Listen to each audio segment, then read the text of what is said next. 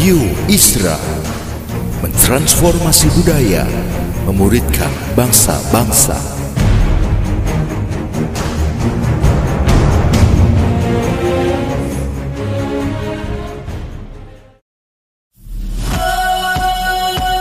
Suara Transformasi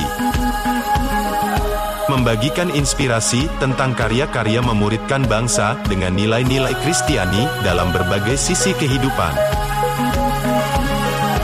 Selamat mendengarkan.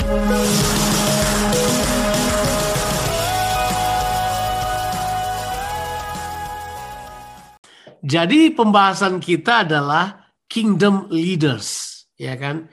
Nah tentu itu kalau sudah ada pelajari di buku jernih kita itu sudah sudah fathers itu ya, fathers, sons, and then kingdom transformation leaders ya itu itu memang merupakan bagian yang penting buat kita. Nah eh, saya harus akui bahwa sudah beberapa bulan ini khotbah saya kingdom melulu nih apa-apa kingdom melulu ini. Jadi uh, saya akan uh, terus uh, memasukkan ide-ide ini. Jadi saya akan menyebut memulai dengan statement ini terlebih dahulu baru kemudian uh, kita berdoa. Ya dan kemudian kita akan mulai membahasnya. Jadi begini leadership itu sebenarnya ada pada DNA semua manusia, secara khusus untuk mereka yang telah dilahirkan kembali. Untuk mereka yang telah ditebus, leadership itu seharusnya merupakan sesuatu yang menjadi DNA. Itu merupakan sesuatu yang harus muncul segera dalam pemahaman kita. Nah, sekarang kita tinggal melihat leadership seperti apa yang kita mau, leadership seperti apa yang kita inginkan. Dan saya kira yang kita mau adalah kingdom leadership. Artinya leadership yang didasarkan kepada pemahaman kerajaan Allah. Leadership yang didasarkan pada paradigma pemerintahan Allah di dalam kehidupan kita. Nah, saya akan akan memulainya dari awal banget. Jadi uh, saudara ikutin saja. Saya akan menyebutnya sebagai temanya leadership itu apa sih? Saya menyebutnya sebagai itu adalah identitas kerajaan. Ya, saya menyebutnya leadership itu sebagai identitas kerajaan.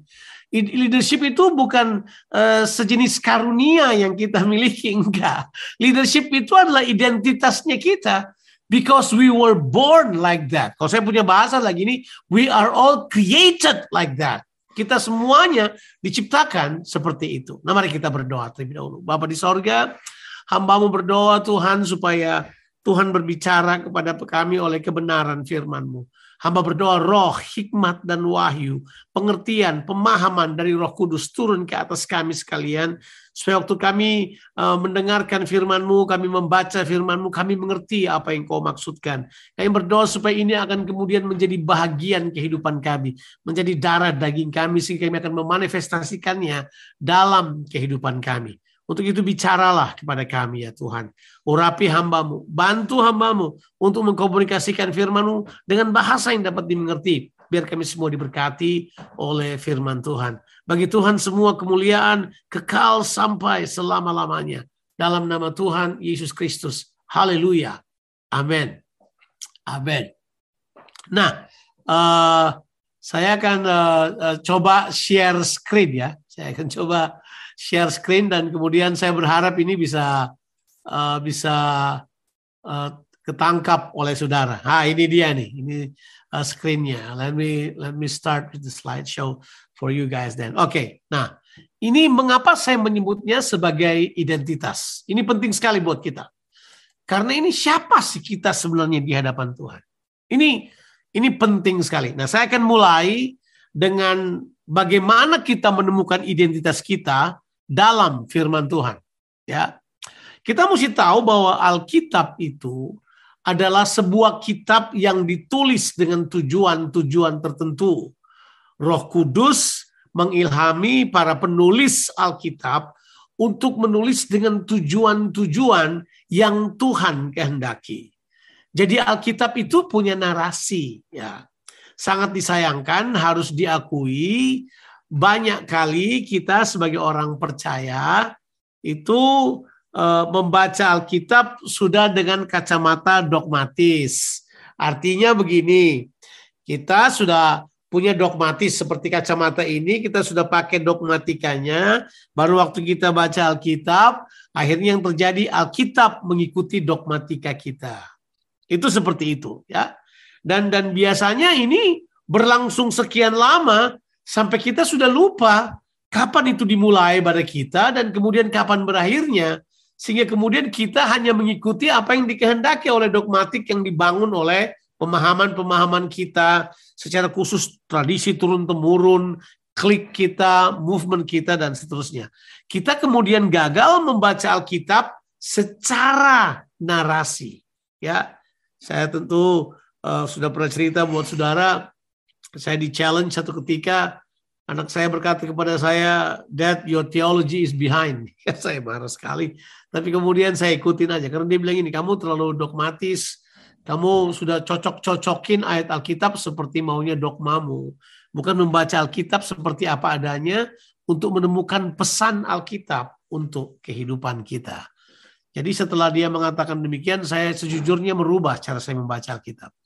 Saya kemudian membaca secara naratif. Saya membaca secara narasi Alkitab saya baca. Seperti narasinya dari kejadian, saya baca ceritanya sampai wahyu. Karena memang diurut sedemikian rupa. Kalau orang tanya, oh kan itu cuman uh, keputusan bapak-bapak gereja, keputusan konsili, terserah apa namanya.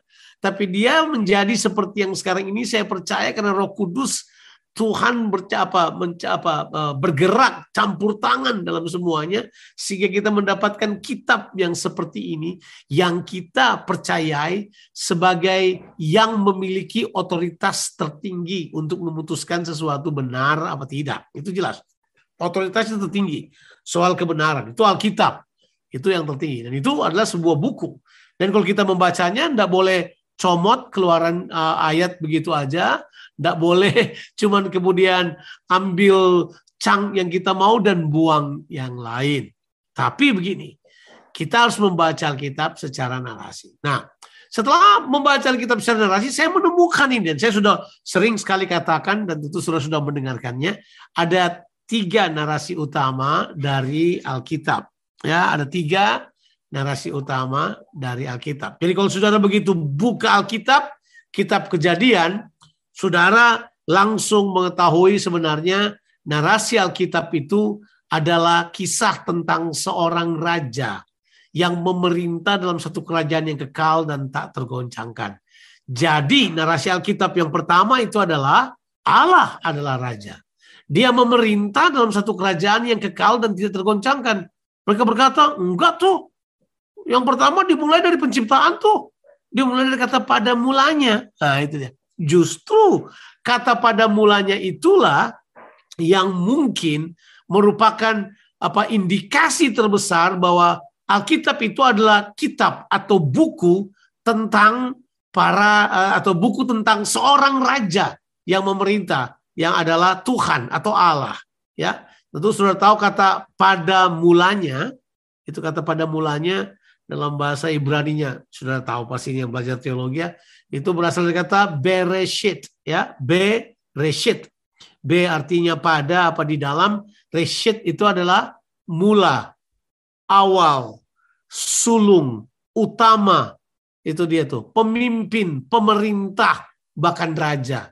Sebab ide dari reshit itu adalah yang awal yang yang unggul yang paling utama penyebab dari segala sesuatu dia kausa prima dia Allah konteksnya dia adalah raja. Jadi Allah, jadi begitu orang Ibrani buka Alkitab ini kemudian ada kata Bereshit, mereka langsung tahu kitab ini adalah kitab tentang seorang raja. Ini bukan cerita biasa. This is the story of the king. Kira-kira begitu kalau orang baca. Nah kalau saudara baca di misalnya padanannya di perjanjian baru misalnya saudara baca Injil Yohanes. Injil Yohanes pasal 1 ayatnya yang pertama. Pada mulanya juga dia katakan itu kan. Pada mulanya adalah firman, ya kan? Ya kan? In the beginning, ya itu kata yang dipakai. Terjemahan bahasa Inggris in the beginning. Di dalam terjemahan uh, bahasa Ibrani-nya adalah kata yang tadi bereshit. Tapi kata yang dipakai untuk bahasa Yunani adalah arche. Arche itu dari kata itu kita dapat kata penghulu, pemerintah, penguasa, yang utama, yang sulung. Nah itu dia tuh. Itu dia. Jadi sebenarnya begitu either orang Yunani buka Injil Yohanes langsung tahu this is the story about the king. This is the story about God.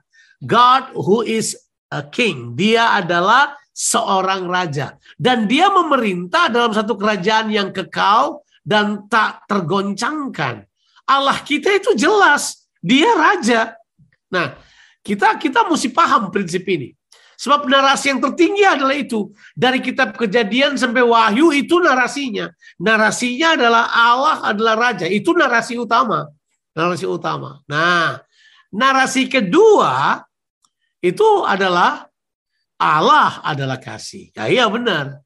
Karena dia adalah kasih, dia uh, menyukai hubungan. Dia menginginkan satu keluarga ada di muka bumi ini. Dia menjadikan manusia supaya menjadi objek kasihnya. Dia dapat menyatakan kasihnya. Ada hubungan. Allah kita adalah Allah yang adalah kasih. Dia adalah kasih adanya. So God is love. Not God has love. Tapi Allah memiliki kasih. Bukan itu idenya. Yang ada adalah Allah adalah kasih. Ya, Dia mau hubungan. Dia suka hubungan ya. Makanya kadangkala kita cuma membaca Alkitab sebagai surat cinta dari sorga. Oke sih, romantik sih, menyenangkan sih. Tapi itu bukan narasi yang tertinggi. Sebab ini dia yang saya mau katakan pada saudara. Ya, bahwa kita suka ide bahwa Allah kita mengasihi kita dengan kasih yang kekal. Bahwa Allah kasih, dia kekal. Sekekalnya Allah, sekekalnya kasih. Tapi tahukah saudara, sama juga dengan Allah adalah raja, dia juga adalah raja yang kekal. Allah memerintah kekal. Dia selalu adalah raja. Baca aja Keluaran 15 ayatnya yang ke-18. Saudara boleh buka di Alkitab Saudara. Keluaran 15 ayat 18 Alkitab berkata, Tuhan memerintah kekal selama-lamanya. Jadi sama seperti Allah mengasihi kekal, dia juga memerintah kekal. Jadi Tuhan selalu memerintah. Tidak pernah tidak dia memerintah. Dia selalu always, tidak pernah never memerintah sebagai raja. Itu Tuhan kita. Itu Allah kita. Dia raja kekal. Dia selalu raja. Tidak pernah tidak dia jadi raja. Dia selalu adalah raja. Ide yang sama, dia adalah kasih. Nah, ide ini sama sekali berjalan sama, tapi memang lebih lebih banyak idenya tentang raja. Tapi rupanya gini, Orang lebih suka cerita kasih daripada cerita raja. Sebab cerita raja di bumi adalah raja yang aduh diktator, raja yang mementingkan diri sendiri, raja yang hancurkan rakyatnya. Tipe-tipe raja yang telah menghancurkan pemahaman raja yang sebenarnya. Nah raja yang sebenarnya ini Allah. Makanya manusia nggak suka raja. Karena mereka mau jadi raja untuk dirinya sendiri. Mereka tidak mau melihat Tuhan sebagai raja.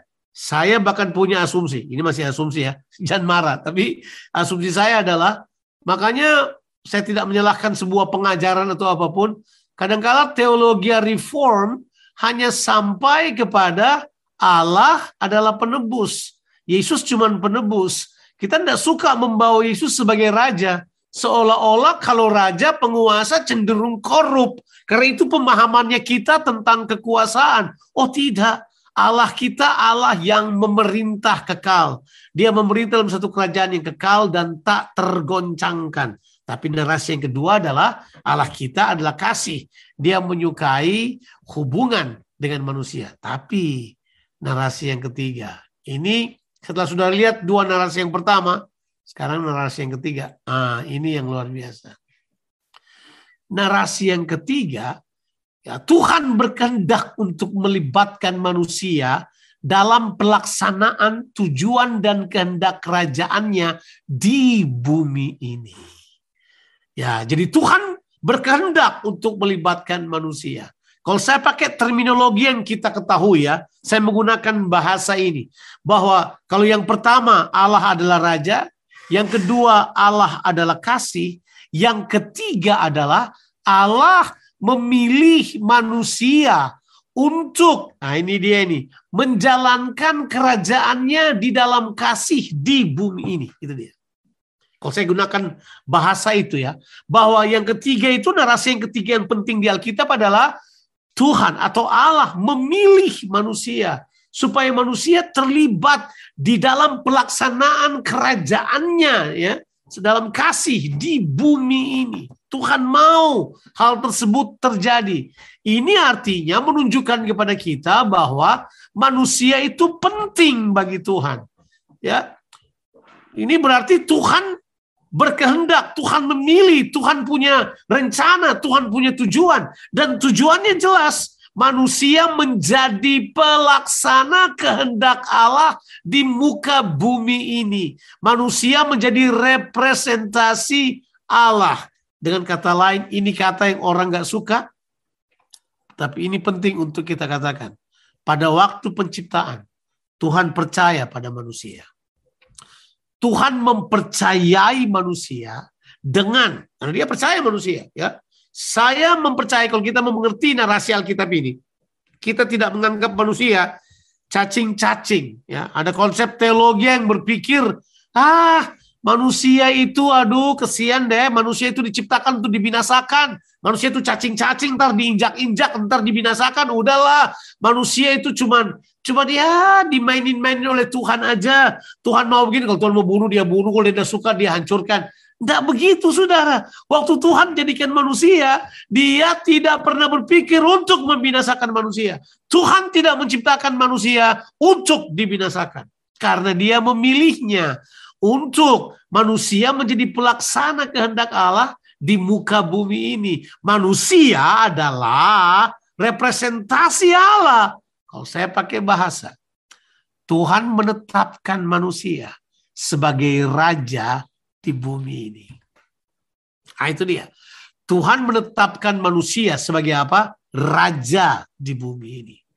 Makanya waktu kita membaca di kejadian 1 ayat 26 sampai ayatnya yang ke-28, which is tentu saudara sudah tahu uh, ayat tersebut. Kalau saudara pertimbangkan ayat itu, saudara sudah tahu bahwa kejadian 1 ayat 26 sampai ayat 28 berisi tujuan Allah menjadikan manusia. Betul ya? Berisi tujuan Allah menjadikan manusia. Apa tujuan Allah menjadikan manusia? Saya tidak perlu ulangi lagi, tapi saya tahu orang-orang yang ada di Rock Bandung atau yang mengikuti uh, pelajaran Kingdom secara saksama, kita mengetahui bahwa tujuan Allah menjadikan manusia menurut menurut kejadian 1 ayatnya ke-26 itu adalah supaya dalam keserupaan dengan Allah manusia berkuasa atau manusia memerintah. Jadi dalam keserupaan manusia memerintah. Kalau kita simpulkan tujuan Allah jadikan manusia dengan dua kata keserupaan dan memerintah. Itu keserupaan dan memerintah. Itu tujuan Allah jadikan manusia. Dari tujuan Allah inilah berlangsung seluruh apa yang ditulis di Alkitab. Berisi tujuan-tujuan Allah dan bagaimana Tuhan mau melibatkan manusia di dalamnya. Ini yang penting untuk kita ketahui. Nah sering kali pemahaman kita uh, cuma berpikir, aduh manusia ini nggak ada artinya ya. Saya juga uh, diskusi diskusi-diskusi dengan anak saya kita berdiskusi teologi ya. Terus dia berkata begini, di dunia barat katanya ini menurut dia dan saya berpikir betul. Dunia barat itu punya pemahaman begini. Allahnya itu, Allah yang dipercaya itu, it's an angry God, Allah yang marah. Ya, ternyata di dunia barat bukan cuma ada angry bird di game, tapi ada angry God. Jadi Allah tuh marah terus sifatnya. Karena Allah marah, Allah membinasakan manusia. Karena dosa, pokoknya Allah pengen bunuh manusia, Allah pengen hancurkan manusia. Makanya ada Yesus Yesus menjadi pacifier. Dia menjadi yang membuat hati Tuhan gak marah gitu. Jadi itu namanya teologi angry God. Allah marah terus. Pokoknya Allah murka menyala-nyala ya kan. Dua. Tapi kalau baca Alkitab, enggak tuh. Dari awal Tuhan punya rencana. Tuhan kita itu Tuhan gak terpancing. Tuhan kita punya tujuan loh. Dan dia mau menyelesaikan tujuannya. Tuhan mau tujuannya selesai di muka bumi ini. Nah, yang dia mau menjadi pelaksana tujuan-tujuannya adalah manusia. Makanya di situlah manusia diberi tujuan. Tujuannya adalah serupa dengan Allah dan memerintah bersama dengan dia. Sampai di sini kita oke? Okay? Saya pengen tahu aja kalau saudara masih ikuti saya. Ini kan semuanya drill dasar kingdom ya. Ini dasarnya ini. Ini kita masih di dasarnya. Sebab setelah itu baru kita akan mengerti. Begitu Allah, nah ini dia, saya mau katakan pada saudara ini hal yang penting. Begitu Allah menyatakan tujuannya di ayat yang ke-26, supaya manusia serupa dan memerintah. Kita kemudian tahu di ayat yang ke-27, kejadian satu adalah Tuhan menjadikan manusia. Menurut gambarnya dijadikan manusia laki-laki dan perempuan. Setelah dia menjadikan manusia, coba lihat ayatnya ke-28. Coba buka Alkitab saudara. Saya sudah tidak catat lagi di sini. Ini cuma muncul di kejadian satu ayatnya ke-28. Begitu Tuhan jadikan manusia, ingat Tuhan belum perintahkan apa pun, Tuhan belum suruh apa pun. Tuhan berkati dulu manusia. Ayat 28 dimulai dengan kata ini. Lalu Allah memberkati mereka. Haleluya. Sebelum Tuhan berfirman, Tuhan berkati dulu. Ini pemahaman ini yang saya pikir penting. Manusia diberkati oleh Allah. Kata berekah pertama muncul di sini. Kata barak pertama muncul di sini. Ya, Barak artinya adalah praise. Artinya barak yang pertama. Yang kedua arti barak adalah itu adalah begini. Itu kneeling down and the hands of God laid upon you. Itu artinya kamu sedang berlutut dan tangan Tuhan diletakkan di atasmu. Artinya tangan Tuhan diletakkan di atasmu begini. Tuhan mau bekerja dalam kehidupanmu dan melalui kehidupanmu. Jadi Tuhan memberkati manusia di awal. Wow, tapi kan konsep kita sekarang terbalik. Agama ngajarin kita, oh kalau kamu baik-baik baru kamu diberkati. Nanti kalau kamu bikin ini, bikin itu, baru kamu diberkati. Tuhan enggak tuh? Sebelum Tuhan bilang apa-apa, dia berkati. Itu artinya apa? Bahwa berkat Tuhan selalu terhubung dengan tujuan-tujuan Allah. Berkat Tuhan selalu terhubung dengan tujuan-tujuan Allah.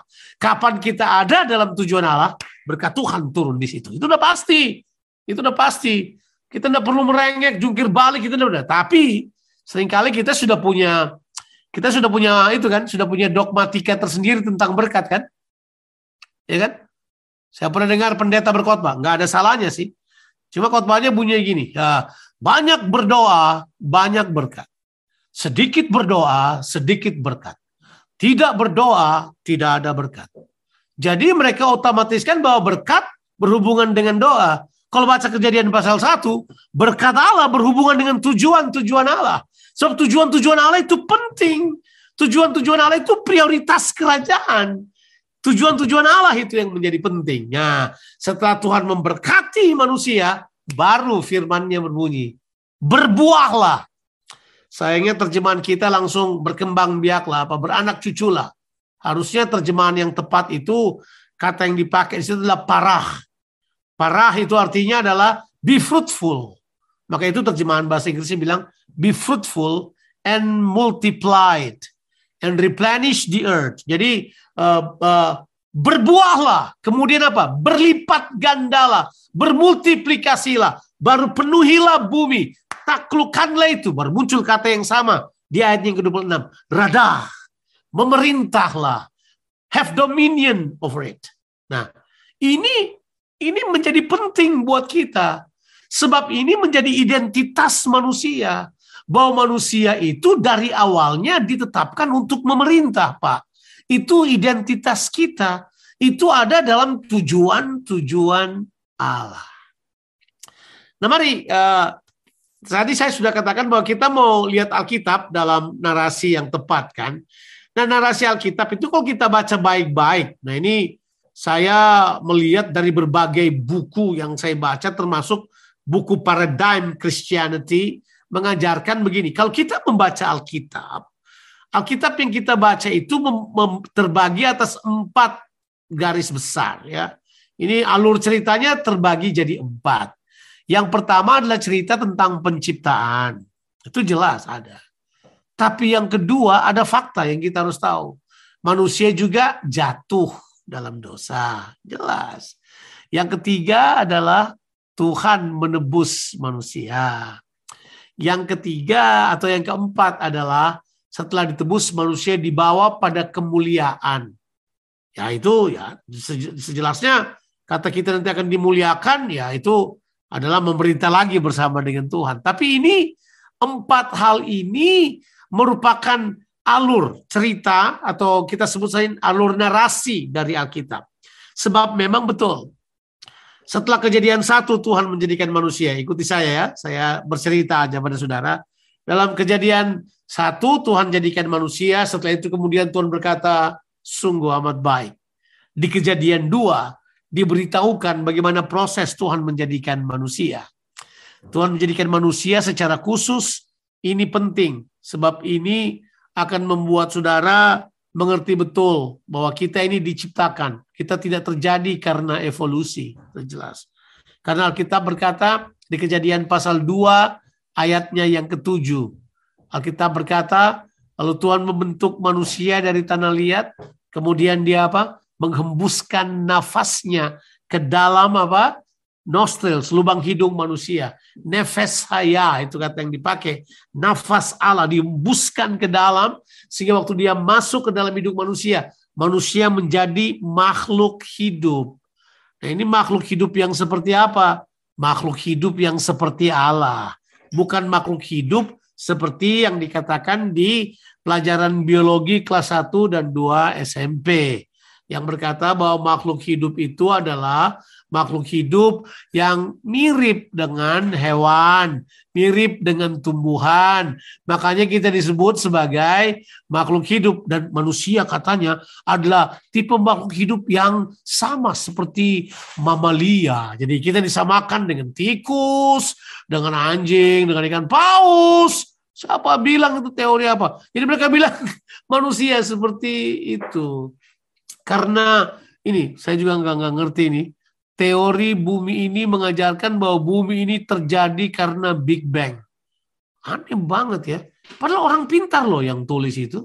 Mereka mau yang logis sampai mereka mulai dengan tidak logis. Jadi mereka berkata bumi ini dimulai dengan tabrakan partikel besar kemudian terjadi menjadi partikel-partikel yang kecil, kemudian partikel itu berubah oleh waktu, berevolusi, jadilah makhluk kecil, amuba, jadi apa, sampai kemudian mereka jadi Pithecanthropus erectus. Kemudian mereka bilang itulah yang menjadi awal mula daripada manusia.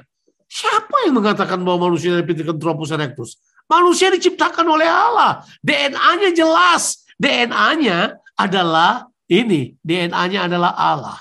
Karena manusia memiliki nafas Allah manusia memiliki roh Allah. Karena di perjanjian lama kata nafas, angin, dan roh sama. Menggunakan kata ruah. ya Itu kata yang dipakai. Nah, ataupun nefes. Tapi di sini kita menemukan bahwa manusia yang diciptakan itu ditaruh di dalam Taman Eden. Kemudian Tuhan memberi kepercayaan kepada mereka. Mereka diberi kepercayaan untuk, ah, itu dia itu, untuk apa saudara? Mengusahakan. Jadi pekerjaan sudah ada. Saya mempercayai pekerjaan nanti akan sangat penting kalau sudah belajar tentang kerajaan. Makanya dalam kerajaan Allah kita dilarang menganggur. Jangan berpikir uh, menganggur atau tidak bekerja. Ya, kita harus berpikir bekerja sebab di dalam kerajaan Allah pekerjaan ditaruh di dalam saudara. Saudara tidak mencari di luar, pekerjaan ada di dalam saudara. Nanti kita akan bahas kalau punya waktu. Tapi basically manusia diberi apa itu pekerjaan. Dan kata yang dipakai untuk kata itu kata yang dipakai untuk memelihara taman itu kata memelihara berasal dari bahasa uh, Ibraninya abad. Dari abad kita dapat abot abot avoda avoda adalah ibadah.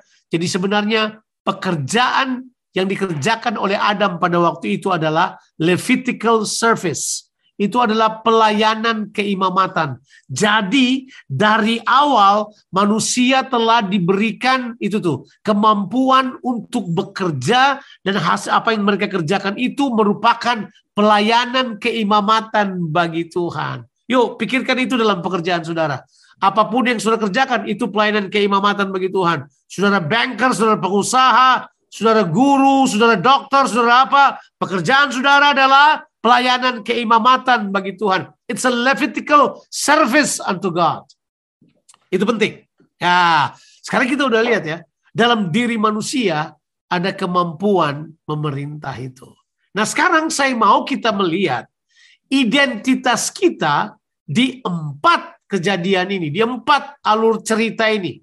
Penciptaan, kejatuhan, penebusan, dan kemuliaan. Saya mau tunjukkan pada saudara bahwa apa kata Alkitab di empat periode ini, di empat apa alur cerita ini, manusia tetap adalah raja yang memimpin, raja yang memerintah. Terserah. Menurut saya konsep yang tepat adalah memerintah. Tapi kata memerintah ini nanti saya akan jelaskan sebentar lagi. Tapi yuk kita akan lihat dulu bahwa setelah pasal 2 masuk pasal 3 manusia jatuh.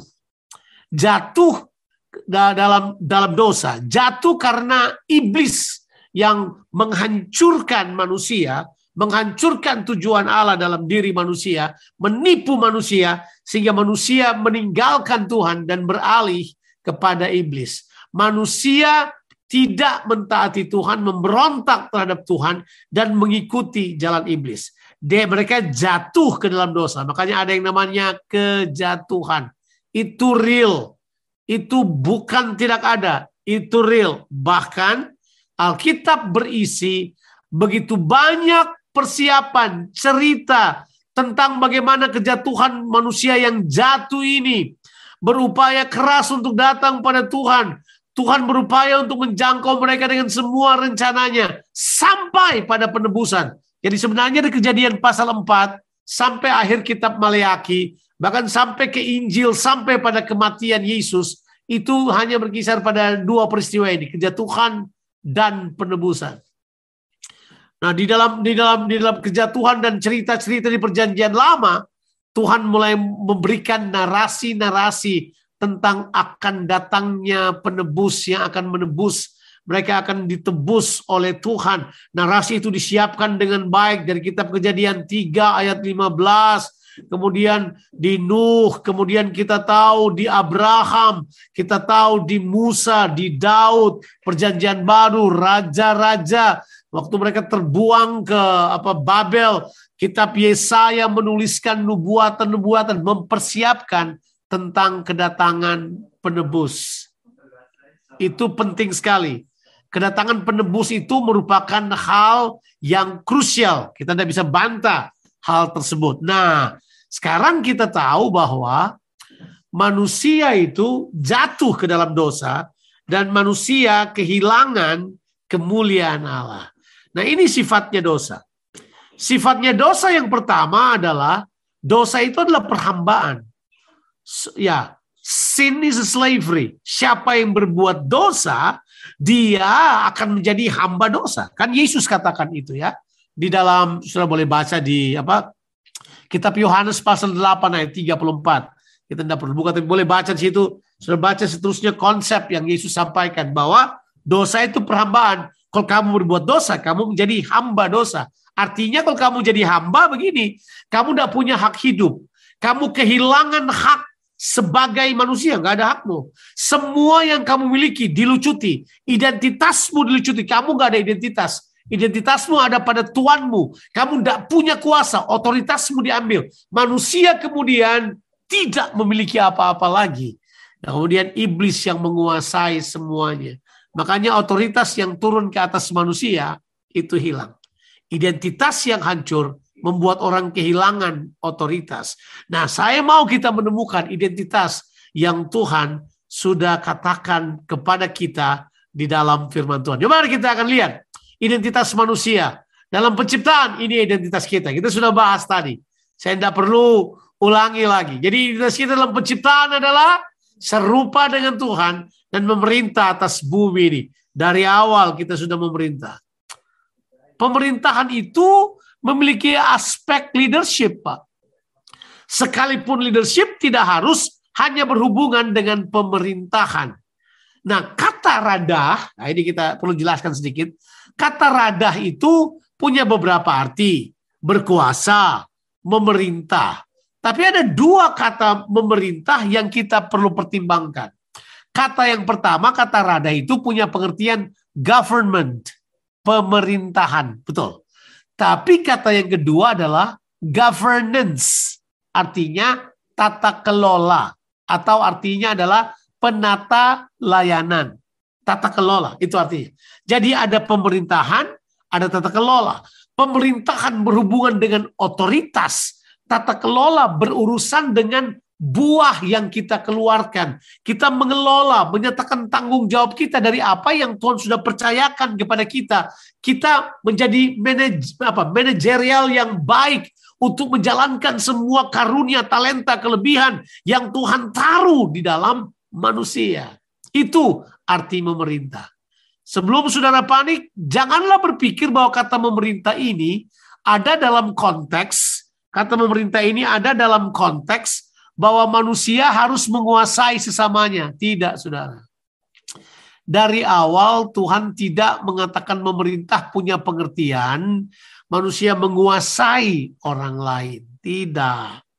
Di sinilah kita menemukan kata radah itu memang lebih masuk kepada penata layanan. Oh memang saudara akan tahu. Tahu nggak isi kerajaan Allah nanti itu apa? Isinya sons and daughters. Isinya semua imam dan raja-raja. Bayangkan ada satu negara, satu kerajaan yang isinya raja dan imam. Siapa perintah siapa? Karena memang di dalamnya bukan siapa perintah siapa. Di dalamnya adalah siapa yang melayani siapa. Sebab Yesus kan telah memberikan definisi tentang pemerintahan atau berkuasa. Yesus berikan definisinya.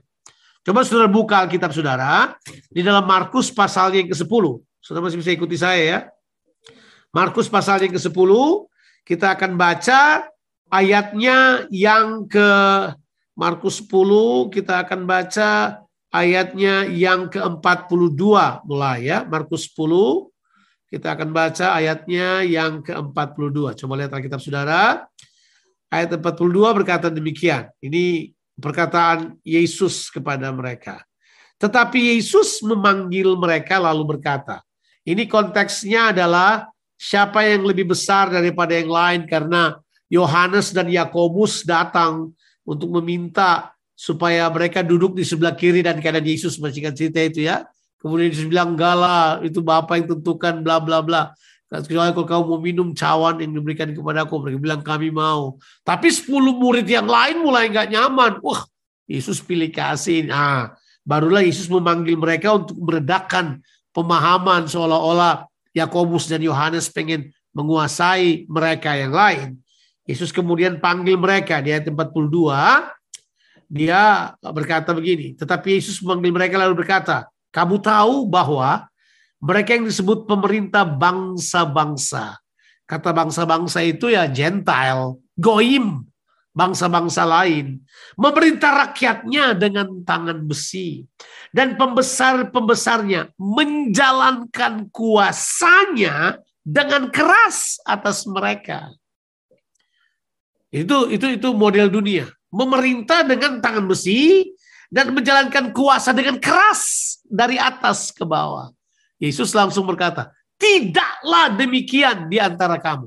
Jadi Yesus langsung memberikan definisi baru bahwa memerintah itu begini artinya. Tidak demikian kamu. Kamu tidak boleh memerintah kayak begitu. Barang siapa ingin menjadi besar di antara kamu, hendaklah ia menjadi pelayanmu.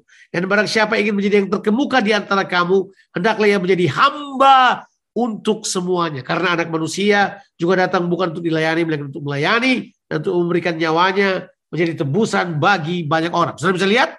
Saya yakin bahwa pemerintahan di situ yang dimaksud adalah bukan soal exercise apa itu uh, strong dan kemudian apa itu hard uh, shepherding pada orang lain, tapi sebenarnya di dalamnya adalah kita melayani. Jadi itu identitas kita sudah ada Kepemimpinan memang dari awal adalah untuk menyatakan tata kelola kerajaan, cara hidup kerajaan pada orang lain. Sekarang kita lihat identitas kita dalam kejatuhan. Ah ya, ya kita jatuh, kita menggunakan identitas lain. Identitas kita adalah iblis. Iya. Yesus bilang iblis adalah bapamu. Karena kamu mengikuti kehendaknya. Itu sumbermu. Dosa itu perbudakan dan arti dosa adalah melenceng dari tujuan. Jadi sebenarnya dosa itu adalah melenceng dari tujuan. Dosa terjadi untuk manusia tidak lagi melakukan tujuan Allah.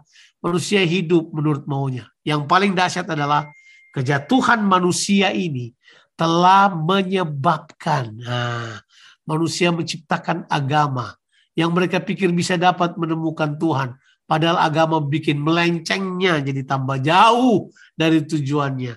Bahkan melencengnya itu telah membuat manusia kehilangan tujuan Allah sama sekali. Manusia menyerahkan kekuasaan mereka atas bumi ini kepada iblis. Identitas kita hilang dalam kejatuhan. Tapi tebak, Tuhan mengasihi kita. Dia menebus kita. Ah, ini ya.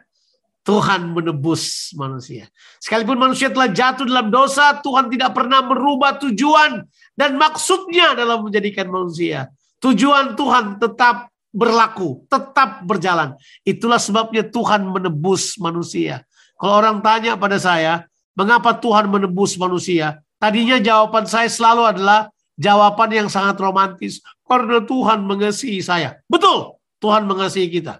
Tapi Tuhan menebus kita karena dia punya tujuan-tujuan dan maksud dalam diri manusia. Makanya dia tebus manusia. Dia tebus manusia karena dia punya maksud. Dia punya tujuan dari awalnya. Dia punya original intention bahwa manusia harus serupa dengan dia dan memerintah bersama dengan dia. Raja. Hmm, coba kita pindah. Thank. Identitas dalam penebusan. Tujuan Tuhan menebus manusia adalah supaya manusia kembali pada tujuan awal Tuhan dalam menciptakan manusia. Itu tujuan penebusan. Jadi tujuan penebusan, sayangnya ya, ini yang saya bilang ini. Pengalihan tujuan. Sayangnya pengajaran kita adalah Tuhan menebus kita supaya kita masuk sorga. Supaya kita diselamatkan dan masuk sorga. Ya, itu adalah bentuk pengalihan. Jadi mereka maunya diselamatkan langsung masuk sorga. Saya tidak bilang bahwa kita tidak masuk sorga. Kita pasti pergi ke sorga. Tapi semakin saya baca Alkitab, saya yakin perjalanan ke sorga itu bukan one way ticket, tapi two way ticket. Kita akan pergi ke sorga, menerima upah bersama dengan Yesus, uh, perjamuan kawin naik domba, tapi kita akan turun bersama dengan dia di bumi ini dan memerintah bersama dengan dia selama seribu tahun di muka bumi ini. Itu kata Alkitab. Itu narasi yang dibawa oleh Alkitab. Nah coba lihat, Tuhan tetap mau manusia memerintah. Kata memerintah ada di sini. Leadership is about that. It's not about position, but it's about function.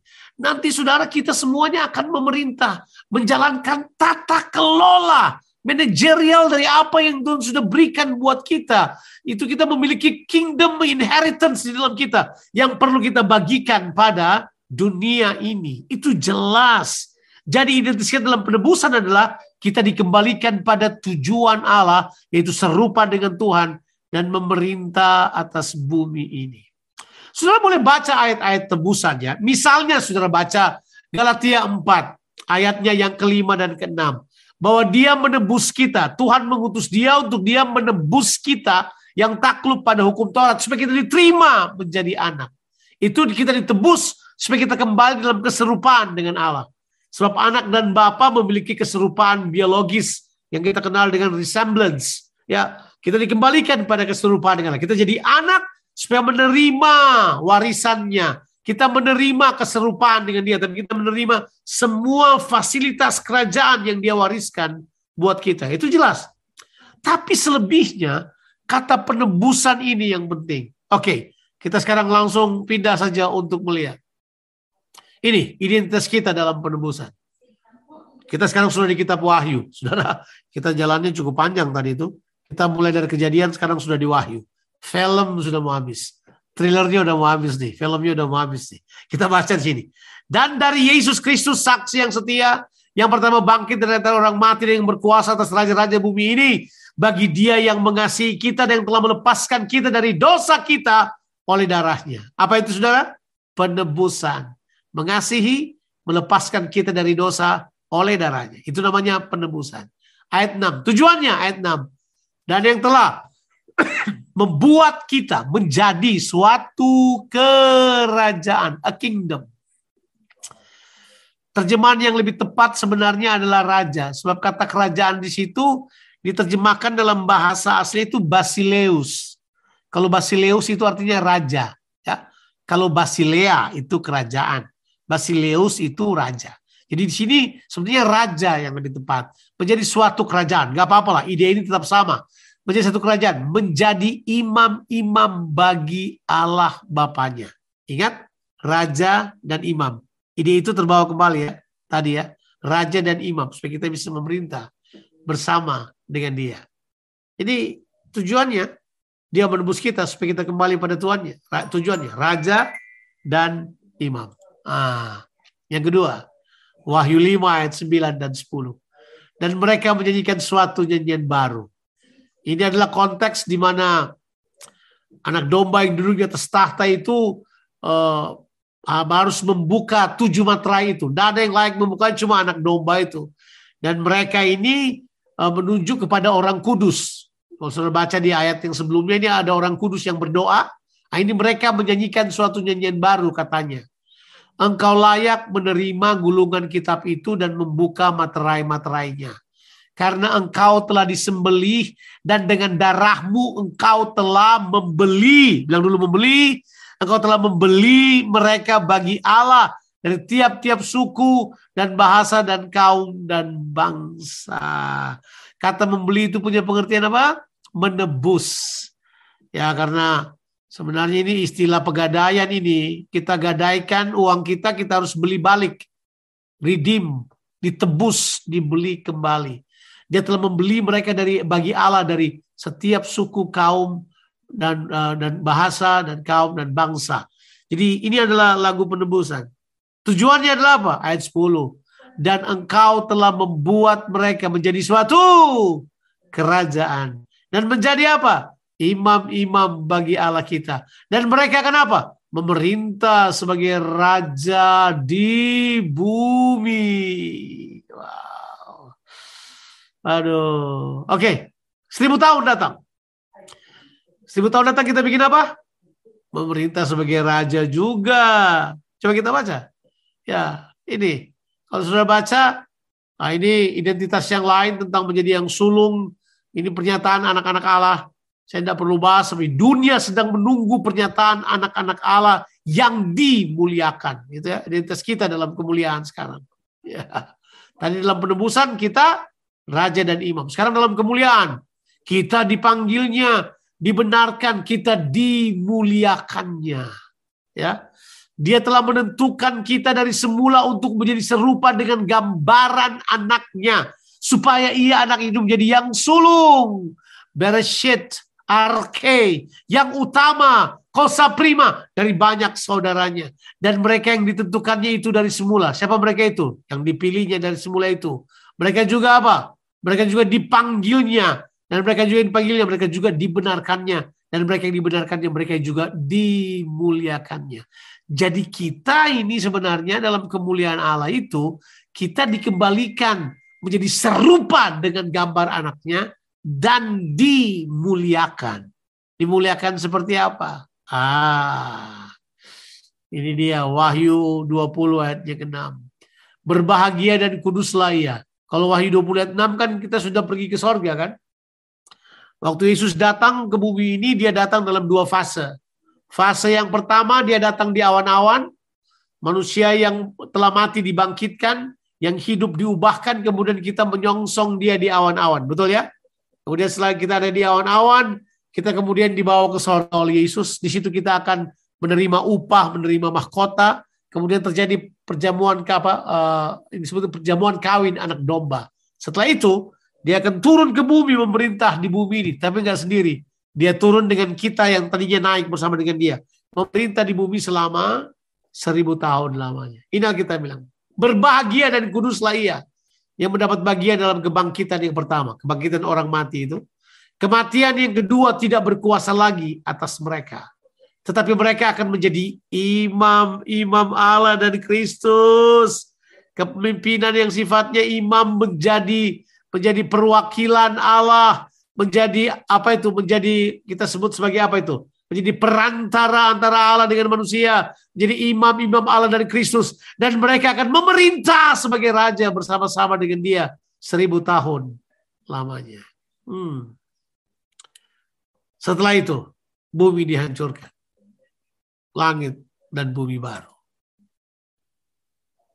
Apa yang terjadi di langit dan bumi baru? Ini ayat terakhir.